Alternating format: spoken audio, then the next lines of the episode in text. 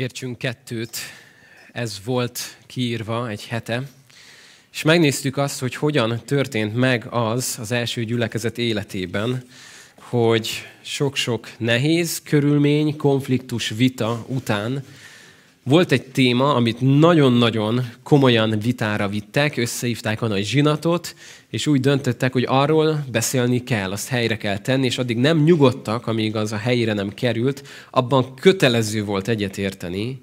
És hogyan történt meg az, hogy utána pedig azt olvassuk, hogy Pál és Barnabás egy személyi kérdés során külön válnak. És nem lesz belőle nagy vita, nem lesz belőle nagy zsinat, hanem elfogadják, hogy az egyikük erre megy, a másik pedig amarra. Megnéztük, hogy a vitáknál mindig fel jön ez a kérdés előbb-utóbb, hogy kinek van igaza, nem? És megnéztük azt, hogy nem biztos, hogy ez az a kérdés, amit minden vitánknál fel kell tenni. Most Pálnak volt igaza, Barnabásnak volt igaza, hanem sokkal fontosabb kérdés volt az, ami kerítékre került. És így jutottunk el a Galata 2.20-hoz, hogy többé tehát nem én élek, hanem Krisztus él bennem. És amikor ez kérdéses volt, hogy az új szövetségnek mi az alapja, hogy mi a hitünknek a reménysége, hogy mi az üdvösségnek az alapja, akkor azt mondja Pál, hogy ha még egy mennyből jövő angyal mondana más öröm hírt, mint amit mi mondtunk nektek, akkor az átkozott legyen. Ebből nem engedhetünk. Viszont más kérdésekben el tudták engedni, és azt mondták, hogy te így gondolod, én meg így gondolom, és egyetértünk abban, hogy nem értünk egyet. Hát innen fogjuk most felvenni a szálat, Úgyhogy keressük ki az apostolok cselekedeteinek a 16. fejezetét, és azzal a címmel írtam fel mai délelőttöt magamnak, hogy ha Isten nemet mond, mi történik ilyenkor. Hát keressük ki az apostolok cselekedeteinek a 16. fejezetét, és az első tíz versét fogjuk ma délelőtt közösen elolvasni. Álljunk fel is így, hallgassuk Istennek az igéjét. Tehát apostolok cselekedeteinek a 16. fejezet első tíz versét olvasom. Így jutott el Pál Derbébe és Lisztrába. Volt ott egy Timóteus nevű tanítvány, egy hívő zsidó asszonynak és görög apának a fia, akiről jó bizonyságot tettek a Lisztrában és Ikóniumban levő testvérek. Ez Pál magával akarta vinni, ezért az ott lakó zsidókra való tekintettel körülmetélte, mert mindenki tudta, hogy az apja görög volt. Amikor végigjárták a városokat, meghagyták nekik, hogy tartsák meg a rendeléseket, melyeket Jeruzsálemben levő apostolok is vének hoztak. A gyülekezetek pedig naponként erősödtek a hitben, és gyarapodtak lélekszámban. Frígiát és Galácia tartományát járták be, mert a Szent Lélek visszatartotta őket, hogy az igét Ázsiában hirdessék, így Mízia felé menve Bitíniába próbáltak jutni, de Jézus lelke nem engedte őket. Akkor Mízián át lementek Troászba.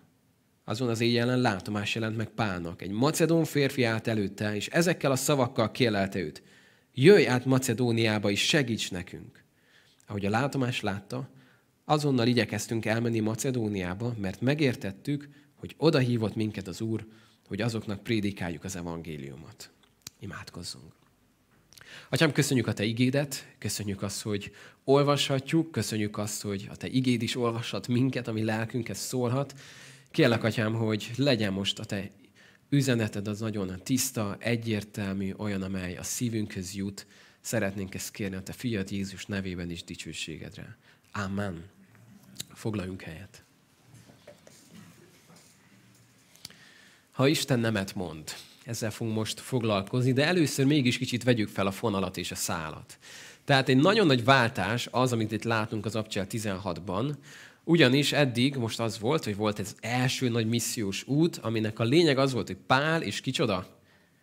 Barnabás, ugye? Vagy ismételjük az egészet előről, hogyha elfelejtettük, Pál és Barnabás együtt végigjárták ezeket a területeket, visszatértek Antiókiába, majd jött a nagy jeruzsálemi vita, a nagy zsinat, és um, azt beszélte Pál és Barnabás, azzal ért véget a 15. fejezet, hogy jó lenne visszamenni, jó lenne folytatni, jó lenne a második utat elkezdeni. Ebben egyetértettek. Mind a ketten egyetértettek abban, hogy igen, ez szükséges, vissza kellene menni. Abban is egyetértettek, hogy ezt most kell megtenni. Tehát egyetértettek abban, hogy mit kell tenni, hogy mikor. Abban is egyetértettek, hogy merre kellene menni, hogy akkor menjünk el arra fele. Egyetlen kérdés volt a kérdéses, hogyha nézzük a 15. fejezet végét, azt olvassuk, Barnabás azt tanácsolta, hogy vegyék maguk mellé Jánost, akit Márknak hívtak. Pál azonban úgy látta jónak, hogy aki elszakadt tőlük Pamfiliától fogva, és nem ment velük a munkára, azt ne vegyék maguk mellé. Nézeteltérés támad közöttük, úgyhogy elszakadtak egymástól. Hát ez egy nagyon érdekes igerész. Uh, már mondtam, hogy nem az a kérdés, hogy kinek volt igaza. Vannak, akik ezt nagyon erősen képviselik, hogy csak Pálnak volt igaz ebben a vitában, vagy csak Barnabásnak volt igaz ebben a vitában.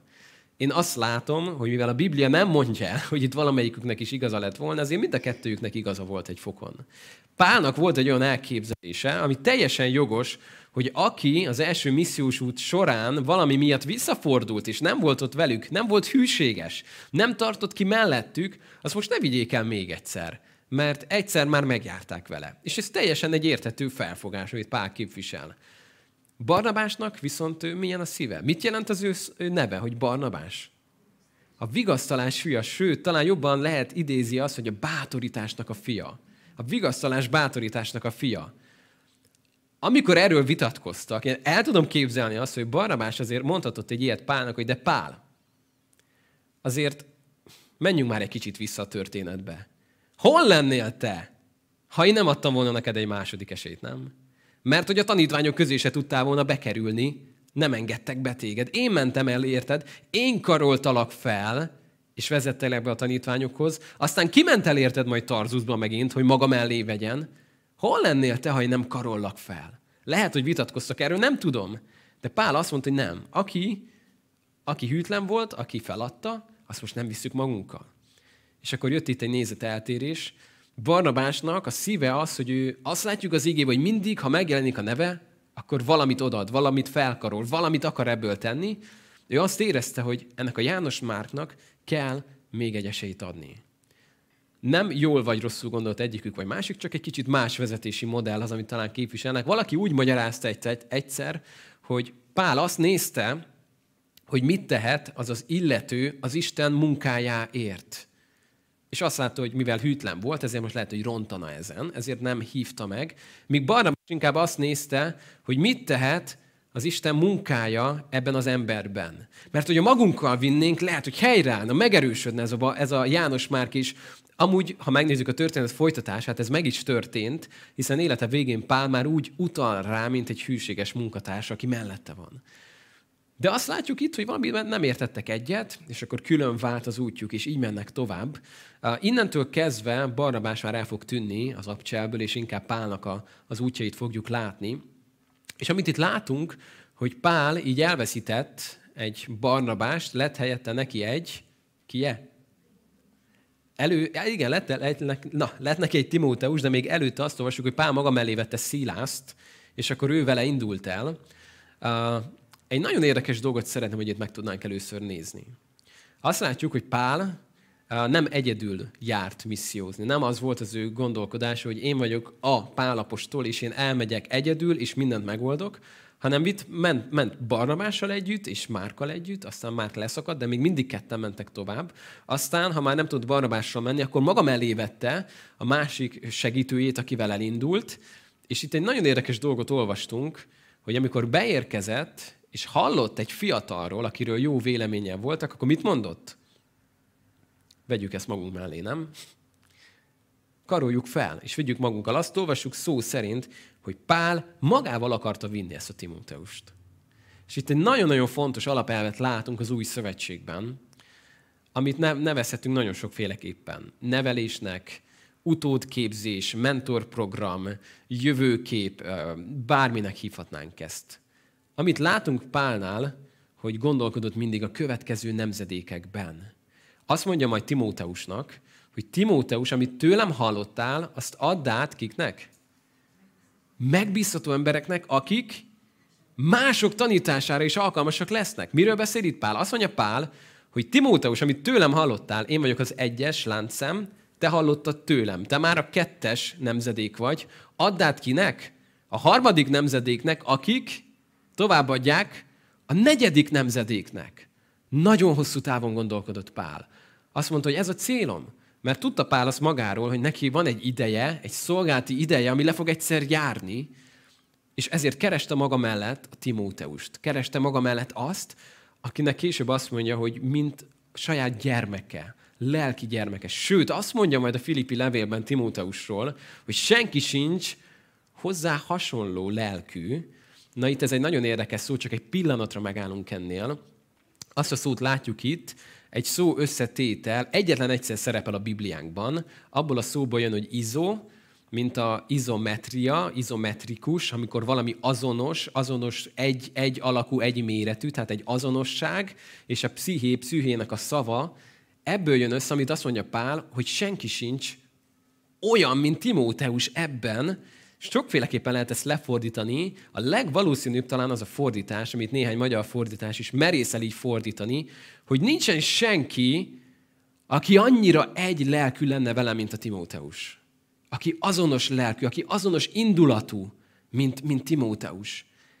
És mit csinált Pál? Annyit tett Pál, hogy maga mellé vette. Vitte magával. Timóteus nézte, hogy Pál prédikál, nézte, hogy Pál lelki gondoz, nézte, hogy Pál uh, jó napja van, ahogy Pálnak rossz napja van, ahogy Pál nevet, ahol Pál sír, mit kezd az örömeivel, mit kezd a bánataival, és ezek után Timóteus elkezdett átformálódni. És azt mondja Pál az élet végén, hogy senki sincs ilyen ízopszühé, úgymond, aki, aki egy azonos lelkű lenne velem. Nagyon érdekes ezt látni. De, de Pál, Barnabás, Timóteus, három különböző embertípus látunk itt. Az egyik szervezetnek a vezetője azt mondta, hogy nagyon fontos lenne az, hogy minden újjászületett hívő ember életében legyen egy Pál, legyen egy Barnabás és legyen egy Timóteus. Mire gondolt? Arra gondolt, hogy legyen egy Pálapostól az életedben, aki ott van előtted, mint egy mentor, aki kőkeményen megmondja neked az igazat. Aki odáll és azt mondja, hogy ez most így nincs a helyén, ezt helyre kell tenni. És most szedd össze magad, harcold meg a nemes harcot, fusd meg a futásodat, és egy ilyen igazi kemény vonalas vezető, aki nagyon tisztán képviseli az Isten üzenetét, átlát rajtad, ahogy ránéz, már látja, hogyha valami nincs rendben, és mondja, és helyreigazít, és fedd, és megjobbít, de hogy nagyon jó, hogyha van egy Barnabás az életedben, akinek meg a, az ajándékai alapján inkább azt feltételezhetjük, hogy az az ember volt, aki ott van az életedben, oda megy hozzád, és azt mondja, hogy figyelj, semmi baj, gyere, szed, szedd össze magad. Próbáljuk meg még egyszer. Ne add fel, gyere, fog ez menni. Ne, ne csüggedj el, ez most nem sikerült, igen, igen, jó, az már a múlt. Gyere, kezdjük újra. Van még egy esély az Istennél. Gyere, gyere, állj fel, segítek, kapaszkodj belém, állj fel. És nagyon jó, hogy megvan egy Timóteus az életünkben, akinek viszont mi adjuk tovább mindazt, amit az Isten tett az életünkben. Most ezt gyorsan le lehet futtatni, hogy mennyire van meg ez a három karakter az életedben. Van-e egy Pálapostól az életedben, van-e egy Barnabás az életedben, és van-e Timóteus számodra, akivel pedig te foglalkozol, akit, akit te veszel magad mellé, és segíted az életben. Vagy vagy-e valaki számára te magad egy Barnabás, aki felkarolod, és odamész hozzá újra és újra, hogy figyelj, semmi baj, gyere, ne add fel, hidd el, hogy az Isten nem mondott le rólad. Több van benned annál, mint hogy itt maradj a porban. Gyere és kelj fel, mert nem arra váltott meg az Isten, hogy ott feküdj. És vagy valaki számára egy pál, aki odamész, és úttörőként ott vagy, és szolgálsz, és elmondod az örömhírt, és ha kell, akkor nagyon tisztán, nagyon világosan képviseled ezt. Nagyon fontos, hogy ezek a helyén legyenek, és kell, hogy ezeket kerest nem könnyű megtalálni egy párt az életedben, nem könnyű találni magadnak úgymond egy Barnabást, vagy egy Timóteust. Na de nagyon fontos. Úgyhogy bátorítlak arra, hogy ezt kerest, és kutasd, és imádkozz azért, hogy Uram, adj nekem valakit, aki úgymond felettem van, és figyel rám, és látja a hátamat, és rám szól, hogy valami nincs rendben. És legyenek ilyen emberek mellettem. Na de, hogy tovább megyünk, nézzük meg a mai történetet.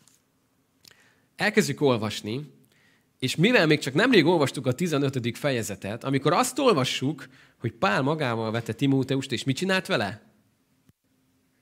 Körülmetélte. Bennem kettő nagyon konkrét kérdés jelent meg. Mi és miért? Hiszen a 15. fejezetben arról vitatkoztak, hogy nem kell körülmetélni azokat, akik megtérnek. Mert nincs rá szükség, mert az üdvösséghez semmi más nem rakhatunk. Csak a Jézusba vetett hitáltal van üdvössége a zsidó bűnösöknek, meg a pogány bűnösöknek is. Sőt, azt olvasjuk a Galata 2-ben, hogy még Titus sem, akit felvitt Pál magával, őt sem metélték körül, nem is engedte volna, mert befurakodtak mindenféle álhívők, és az ő kedvükért nem metéltük külön Titus, hogy meglássák azt, hogy az örök élet egyedül Jézus Krisztusba vetett hit által van. Na és akkor most mi történik? Pál maga mellé veszi Timóteust, és körülmetéli. El tudom képzelni azoknak az arcát, akik lehet, hogy vitatkoztak Pállal ezen a kérdésen, de azok a farizeusok, akik keresztényeké lettek, és elfogadták a jeruzsálemi zsinatnak a döntését, de nem nagyon értettek mondjuk mindenben egyet, és továbbra is úgy gondolták, hogy azért nem lett volna baj körülmetélni őket, és lement a vita, és találkoznak Pállal, és azt látják, hogy körülmetéli Timóteust. És néznek rá, hogy ez most akkor mire volt jó? Most miért kellett ekkora vitát csapni abból, ha utána meg körülmetélet Timóteust? Na de itt van egy nagyon fontos szó. Nézzük meg, mi van itt ideírva. Azt olvassuk. Ezt Pál magával akarta vinni, ezért az ott lakó zsidókra való tekintettel. Pál elindult, hogy missziózzon. És nagyon-nagyon jól tudta azt, hogy az ott lakó zsidók ismerik Timóteusnak a hátterét. Nagyon-nagyon jól tudta azt, hogyha magával viszi Timóteust körülmetélés nélkül, akkor mielőtt elkezdené hirdetni az örömhírt, mit fognak tenni ezek a zsidók? Elkezdenek majd kiabálni, kizavarják őket, és mondják, hogy nincs körülmetélve, az apja görög volt. És azt mondta Pál, hogy én nem akarom azt, hogy ezek a zsidók, ezek megbotránkozzanak, még mielőtt az üzenetet meghallanák. Abban majd megbotránkozhatnak. Az már nem az ő dolga lesz. Nem akarta Pál azt, hogy az üzenet meghallgatása előtt utasítsák el az üzenet hordozója miatt. És amikor ez nagyon tiszta volt, hogy nem rakhat semmit Jézus áldozata mellé, és nem kell körülmetélni a pogányokat, azt az alapelvet látjuk, amit Pál az 1 Korintus 9-ben kifejt, hogy mindenkinek mindenné lettem, csak hogy némelyeket megnyerjek az örömhírnek. Hadd olvassak fel ebből egy kicsit, az 1 Korintus 9.19-től fogom olvasni. Mert bár én mindenkivel szemben szabad vagyok, magamat mégis mindenkinek szolgájává tettem, hogy minél többeket megnyerjek. A zsidóknak olyanná lettem, mint aki zsidó, hogy megnyerjem a zsidókat. A törvény uralma levőknek, mint a törvény uralma alatt levő, pedig én magam nem vagyok a törvény uralma alatt. Hogy megnyerjem a törvény uralma levőket. A törvény nélkülieknek olyanná lettem, mint aki törvény nélküli, pedig nem vagyok Isten törvénye nélkül, hanem Krisztus törvénye szerint élek, hogy megnyerjem a törvény nélkülieket. Az erőtleneknek erőtlenné lettem, hogy megnyerjem az erőtleneket. Mindenkinek mindenné lettem, hogy mindenképpen megmentsek némelyeket. Mindezt pedig az evangéliumért teszem, hogy én is részes társ legyek abban. Azt mondja Pál, mindenkinek mindenné lettem, hogy megnyerjek némelyeket. El tudom képzelni, hogy amikor Pál ezt kifejtette, és amikor körülmetélte Timóteust, lehet, hogy kaphatott olyan jelzést némelyektől, képmutató, simulékony, nem? Alkalmazkodó. Annak ilyen, annak meg olyan? Hát akkor most mi az igazság? A pogányokkal máshogy viselkedik, mint a zsidókkal. Most akkor melyik az igazi Pálapostól? Nagyon fontos azt látni, hogy Pál nem az üzenetében volt változatos az üzenete mindig ugyanaz az egyszerű üzenet volt. Hogy Jézus a megváltó, nincs más út, nem adatott más név az embereknek, gyertek Jézushoz, térjetek meg, veszitek a Szentlélek ajándékát. Ez volt mindig az üzenete. Az üzenet átadásában viszont elképesztően rugalmas volt. És ha tetszik ez a szó, akkor mondjuk azt, hogy nagyon simulékony tudott lenni. Ahogy szól egy pogány társasághoz, ahogy szól egy római csoporthoz, ahogy szól egy zsidó közegben, mert azt mondta, hogy szolgává teszem magamat. Mert nem én számítok ebben, hanem hogy valahogyan az emberek meghallják az örömhírt. És ne akadjanak ki, még mielőtt az örömhírt meghallják. Andy Stanley nagyon érdekes dolgot fogalmazott meg, mikor azt mondta, hogy lelkészként ő azt látja egy fontos feladatának, hogy úgy érjük el a mai embert, hogy amikor bejön a gyülekezetbe, akkor ne akadjon ki azon, hogy hogy néz ki az épületünk. Ne akadjon ki azon, hogy hogy öltöztem fel. Ne akadjon ki azon, hogy hogy fogadtuk az ajtóban. Minden értsük jól, komfortos legyen neki egészen addig a pontig, amíg Isten igéje megszólítja, mert akkor konfrontálódni fog az Isten igéjével. De ne előtte konfrontálódjon. Ne a belépésnél. Ne azon, hogy megjön valaki, és már azzal kezdjük, hogy hogy vagy öltözve, hogy nézel ki. Ne ezekkel konfrontálódjon, hanem az Isten igéjével. És mindenkinek mindenné lettem, mondja Pál. Csak hogy némelyeket megnyerjek mindenképpen. Többenetes az, amit itt Pál mond. Érezzük azt, hogy nagyon nagy a különbség ez a felfogás között, és az a felfogás között, hogy hát, hogyha valaki akar megtérni, akkor hát tudhatják rólam, hogy keresztény vagyok, majd megkérdezik, nem? Fent van a Facebook profilomon, vallási beállítottságnál odaítom, hogy keresztény, így hát nem vádolhat senki, ha akar, ha akar megtérni, majd megkérdezi tőlem, hogy hogy, hogy kell ezt. Pál meg azt mondja, mindenkinek, mindenné lettem, mindenképpen, csak hogy némelyeket megmentsek. El tudom képzelni ezt a beszélgetést Pál és Timóteus között, amikor Pál maga mellé veszi, és Timóteus halva a jeruzsálemi zsinat döntését fellé, fellélegez, és tudja azt, hogy Pál volt az, aki nagyon keményen viaskodott az ellen, hogy körülmeteljék a pogányokat, megörül neki, hogy nincs szükség erre a procedúrára. És nem kell ezt megtenni, nem, nem jön most ez a protokoll. És oda megy Pálhoz, és külön megköszöni neki, hogy Pál, én nagyon hálás vagyok azért, hogy olyan erősen kiálltál a tiszta örömhír mellett. És hogy nem a körülmetélkedésnek az üzenetét hirdetett, hanem a kegyelem üzenetét. Köszönöm, Pál, hogy ezt megtetted. És elképzelem Timóteus arcát, amikor Pál azt mondja, hogy igen, viszont mégis kérnék tőled most valamit. Elképzelem, hogy Timóteus lefagy, hogy mi, miért? És amikor Pál elmagyarázza neki, hogy Timóteus, te már egy érett hívő vagy, nem? Az a célunk, hogy embereket elérjünk az örömhírrel. Túlélnéd, ha most átmennél ezen a dolgon? Az ő kedvükért. Azért, hogy elérjük az eléretlen embereket. Képes lennél egy kicsit változni? Képes lennél valamit elengedni? Mert itt most ez Pál nem magát teszi szolgává, hanem Timóteus kéri ezt, hogy tegye ezt. Hogy ő alkalmazkodjon ebben. Nagyon nehéz lehetett ez a helyzet, de azt olvassuk, Timóteus ebbe belement. És úgy tudott menni, hogy amikor beléptek egy zsinagógába, mert hogy ez volt innentől is a protokoll, hogy mentek tovább, és mindig a zsinagógába kezdték el az örömhír hirdetését, akkor nem találtak kivetni valót Timóteusban, beléphetett, és miután átmentek a küszöbön, onnantól kezdve pedig hirdethették az Istennek az üzenetét, és a megváltásnak az üzenetét. És amikor megkérdezték, hogy Timóteus, akkor te most körül vagy metélve? Akkor mondtad, hogy igen, körül vagyok metélve. Na de ma pont arról akarunk nektek beszélni, hogy nem a körül metélkedés az, ami meg fogja menteni az életeteket. Nem a mózesi törvény az, ami meg fog, titeket, meg fog titeket menteni. Mert Pál azt mondja, hogy az az igazi zsidó, aki, aki a szívébe van körülmetélve. Ez egy nagyon érdekes dolog, amikor mondjuk elmegy egy misszionárius a közel-keletre, és azt látjuk, hogy nekem nagyon nagy példa volt, amikor megismerettem olyan amerikai misszionáriusokat, akiknek volt egy amerikai stílusuk, baseball sapka, koptatott farmer, sportcipő, fehér póló. És amikor elment oda szolgálni, és találkoztam vele, alig ismertem meg. Sűrű semaggal körbekötve a feje, hosszú, közelkeleti, közelkeleti szimbólumokkal díszített ruha, tógaszerű jár, és mi lett veled? És azt mondta, hogy én most itt vagyok, ezeket az embereket akarom elérni. Ha megjelennek úgy, ahogy nem ők, akkor engem meg se fognak hallgatni. És tudod valamit, hogy mindenkinek mindenné lenni. Hogy tudod ezt levetíteni a saját életedbe? Kezdj el azon gondolkodni, hogy kik vannak körülöttem. Kik azok az emberek, akiket el tudnék valahogyan érni. Hadd hozzak nagyon bugyuta példákat is. Lehet, hogy van egy, van egy szomszédod, akit, akit sehogy sem tudsz elérni az örömhíre. Teljesen immunis. Azt mondta, ne is beszélj nekem soha ilyen dolgokról. Viszont mondjuk tudod, hogy nagyon szeret horgászni. Én nem szeretek horgászni. Kifejezetten nem. Mi lenne, hogy azt mondanám például neki, hogy figyelj, elmetnék veled egyszer horgászni. Szerintem arra igent mondana.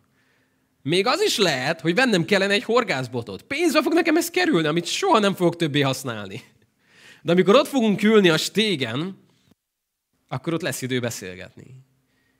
És bár én nem vagyok a horgászásnak nagy szerelmese, mégis azzá teszem magam, hogy valamiképpen némelyeket megmenthessek az evangéliummal.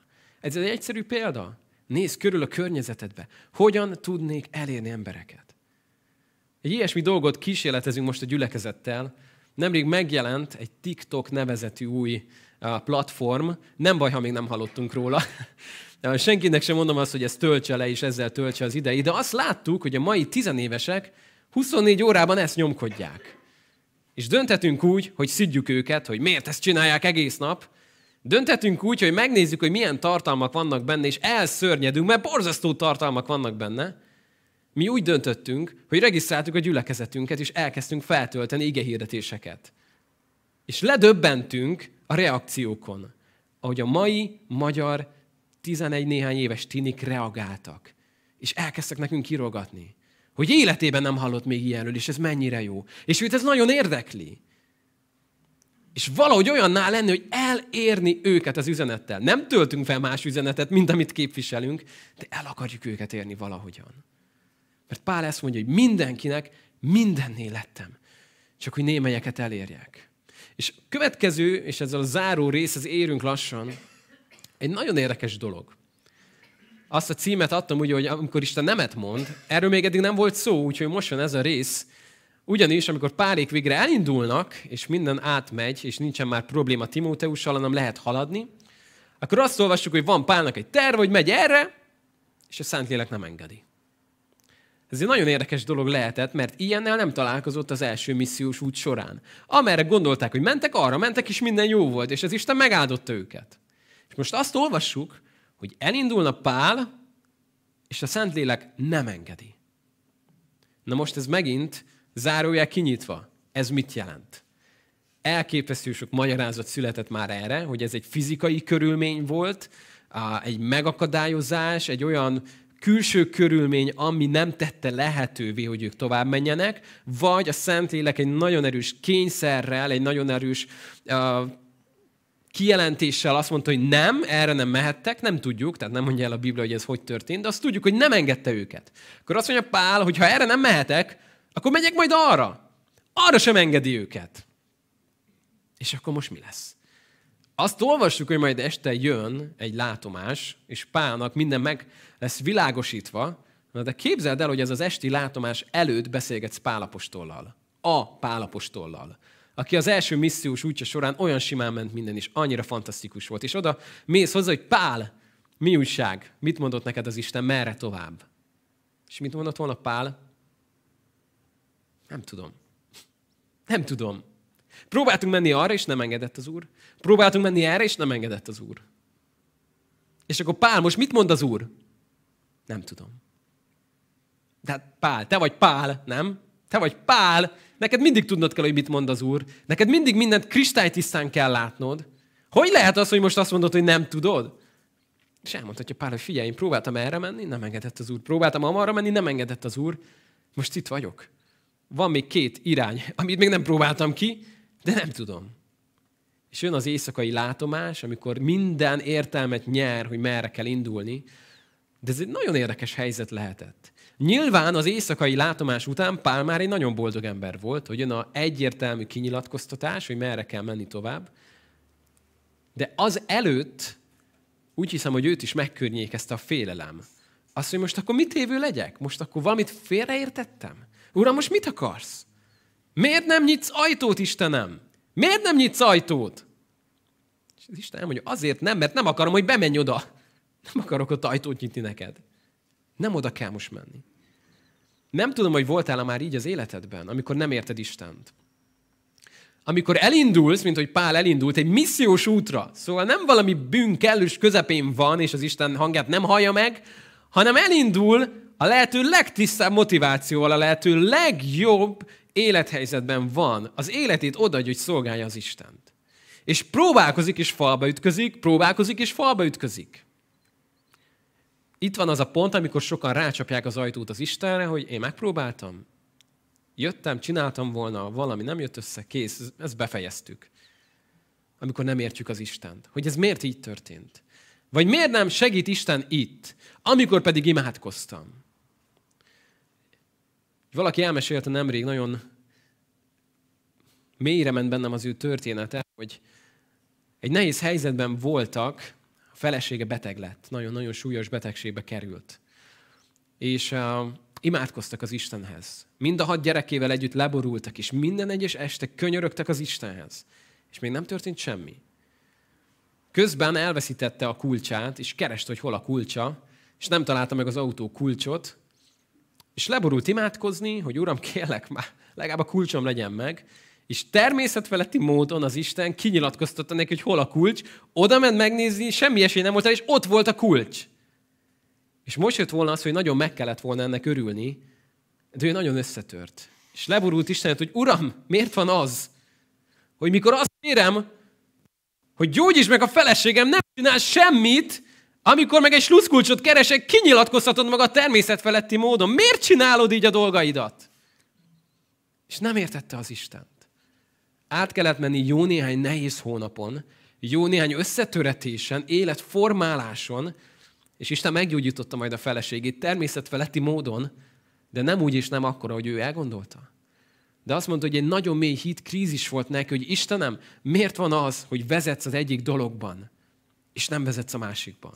Az életem egyik területét megáldod, míg a másik romokban van.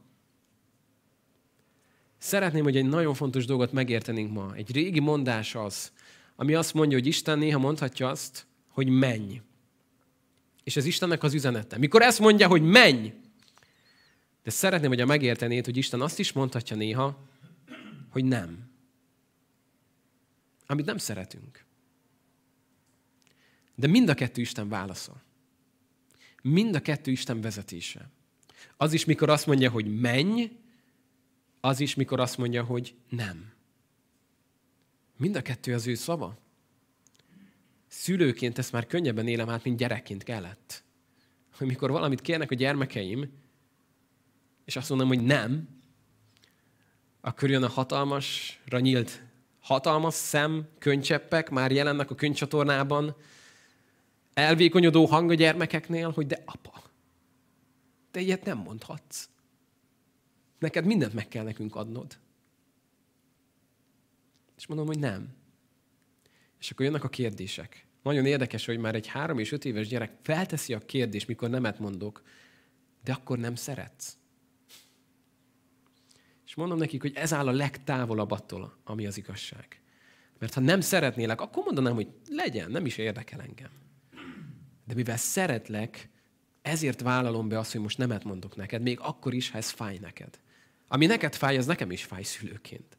Könnyebb lenne rád hagyjak mindent, de amiért szeretlek, mondom most neked azt, hogy nem. És ez általában nem győz meg egy három és öt éves gyereket. Hanem folynak a könnyek. Elizabeth már képes arra, hogy azt mondja, hogy apa, ma nem szólok hozzád akkor. Kész. De meg kell, hogy értsék, hogy amikor apa azt mondja, hogy igen, és amikor apa azt mondja, hogy nem, az mind a kettő egy válasz. És úgy hiszem, hogy Pálnak szüksége volt arra, hogy átélje ezt. Elképesztően használta őt Isten az első missziós út során. Elképesztő dolgokat élt át. Isten nagyon magasra emelte. Voltak nagy mélységek is, de nagyon magasra emelte. Rögtön az út legelején mondhatta volna már neki Isten, hogy menj el egyenesen Macedóniába. És akkor minden hiba nélkül egyenesen megy, és mondja mindenkinek, hogy kaptam kijelentést, arra kell menjek. De valamiért talán át kellett élni azt az élményét, hogy falakba ütközik a nagy pálapostól. Át kellett élnie azt, amiről majd később úgy ír, hogy amikor gyenge vagyok, akkor vagyok erős a Krisztusban.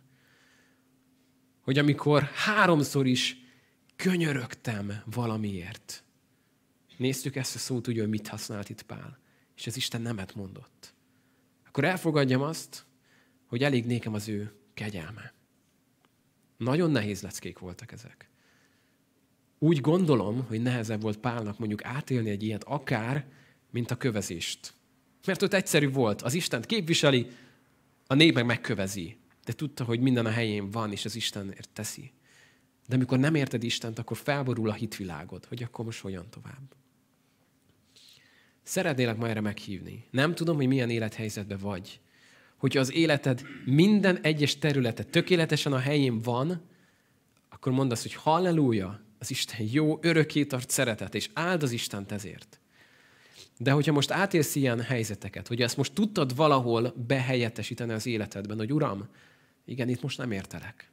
Falba ütköztem. Mindent próbáltam. És mégsem megy a dolog.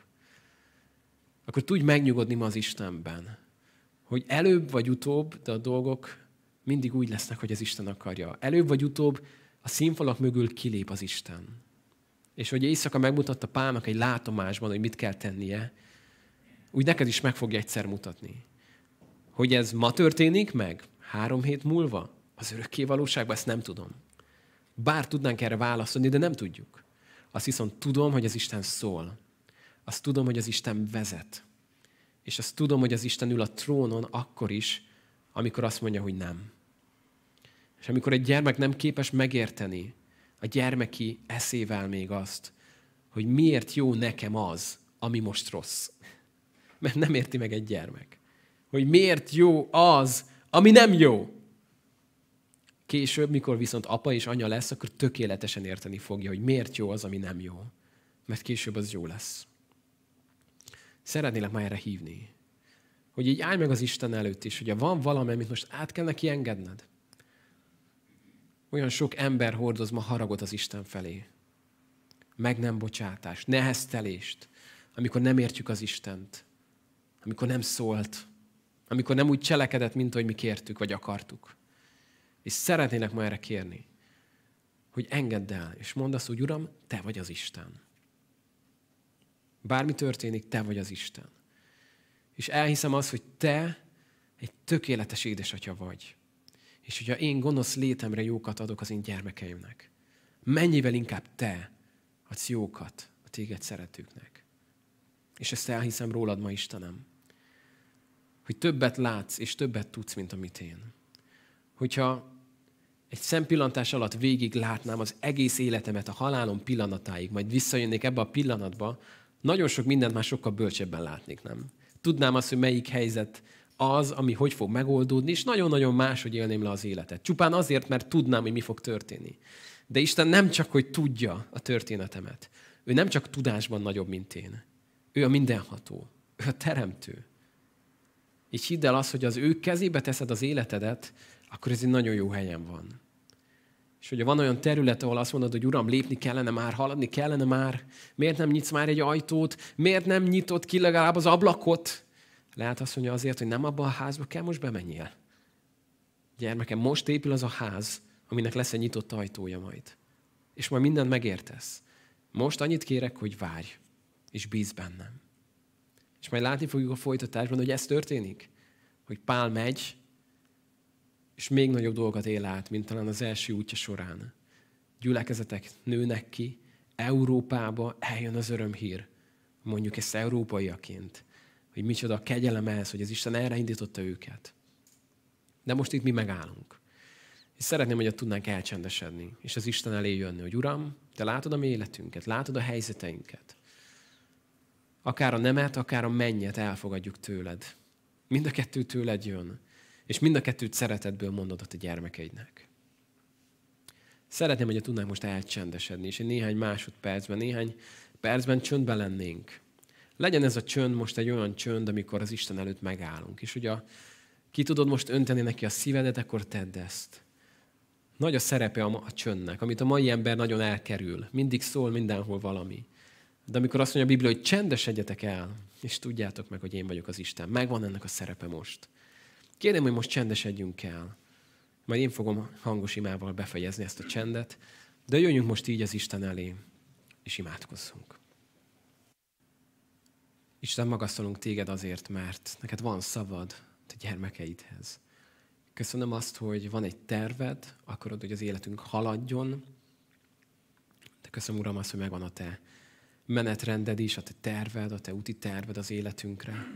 Köszönöm, hogy nálad van a mi, a miért, a hogyan, a mikor. És szeretnénk, Uram, ezt megengedni neked, hogy úgy cselekedj az életünkben, ahogy te azt szeretnéd. Uram, így jövünk most eléd is. Elengedünk mindent. Mindent, amit nem értünk, mindent, amit talán fájlalnánk, minden kérdőjelet, oda teszünk, Uram, a te kezedbe. És köszönöm azt, hogy egy nap minden kérdés választ talál. Köszönöm, hogy akkor ott leszünk veled együtt akkor véget ér a harc, véget ér a küzdelem, és téged látunk majd színről színre. De amíg ez nem történik meg, Uram, addig is hiszünk benned, bízunk benned, szeretünk téged. Kérjük ezt, Uram, a te fiad Jézus nevében. Amen.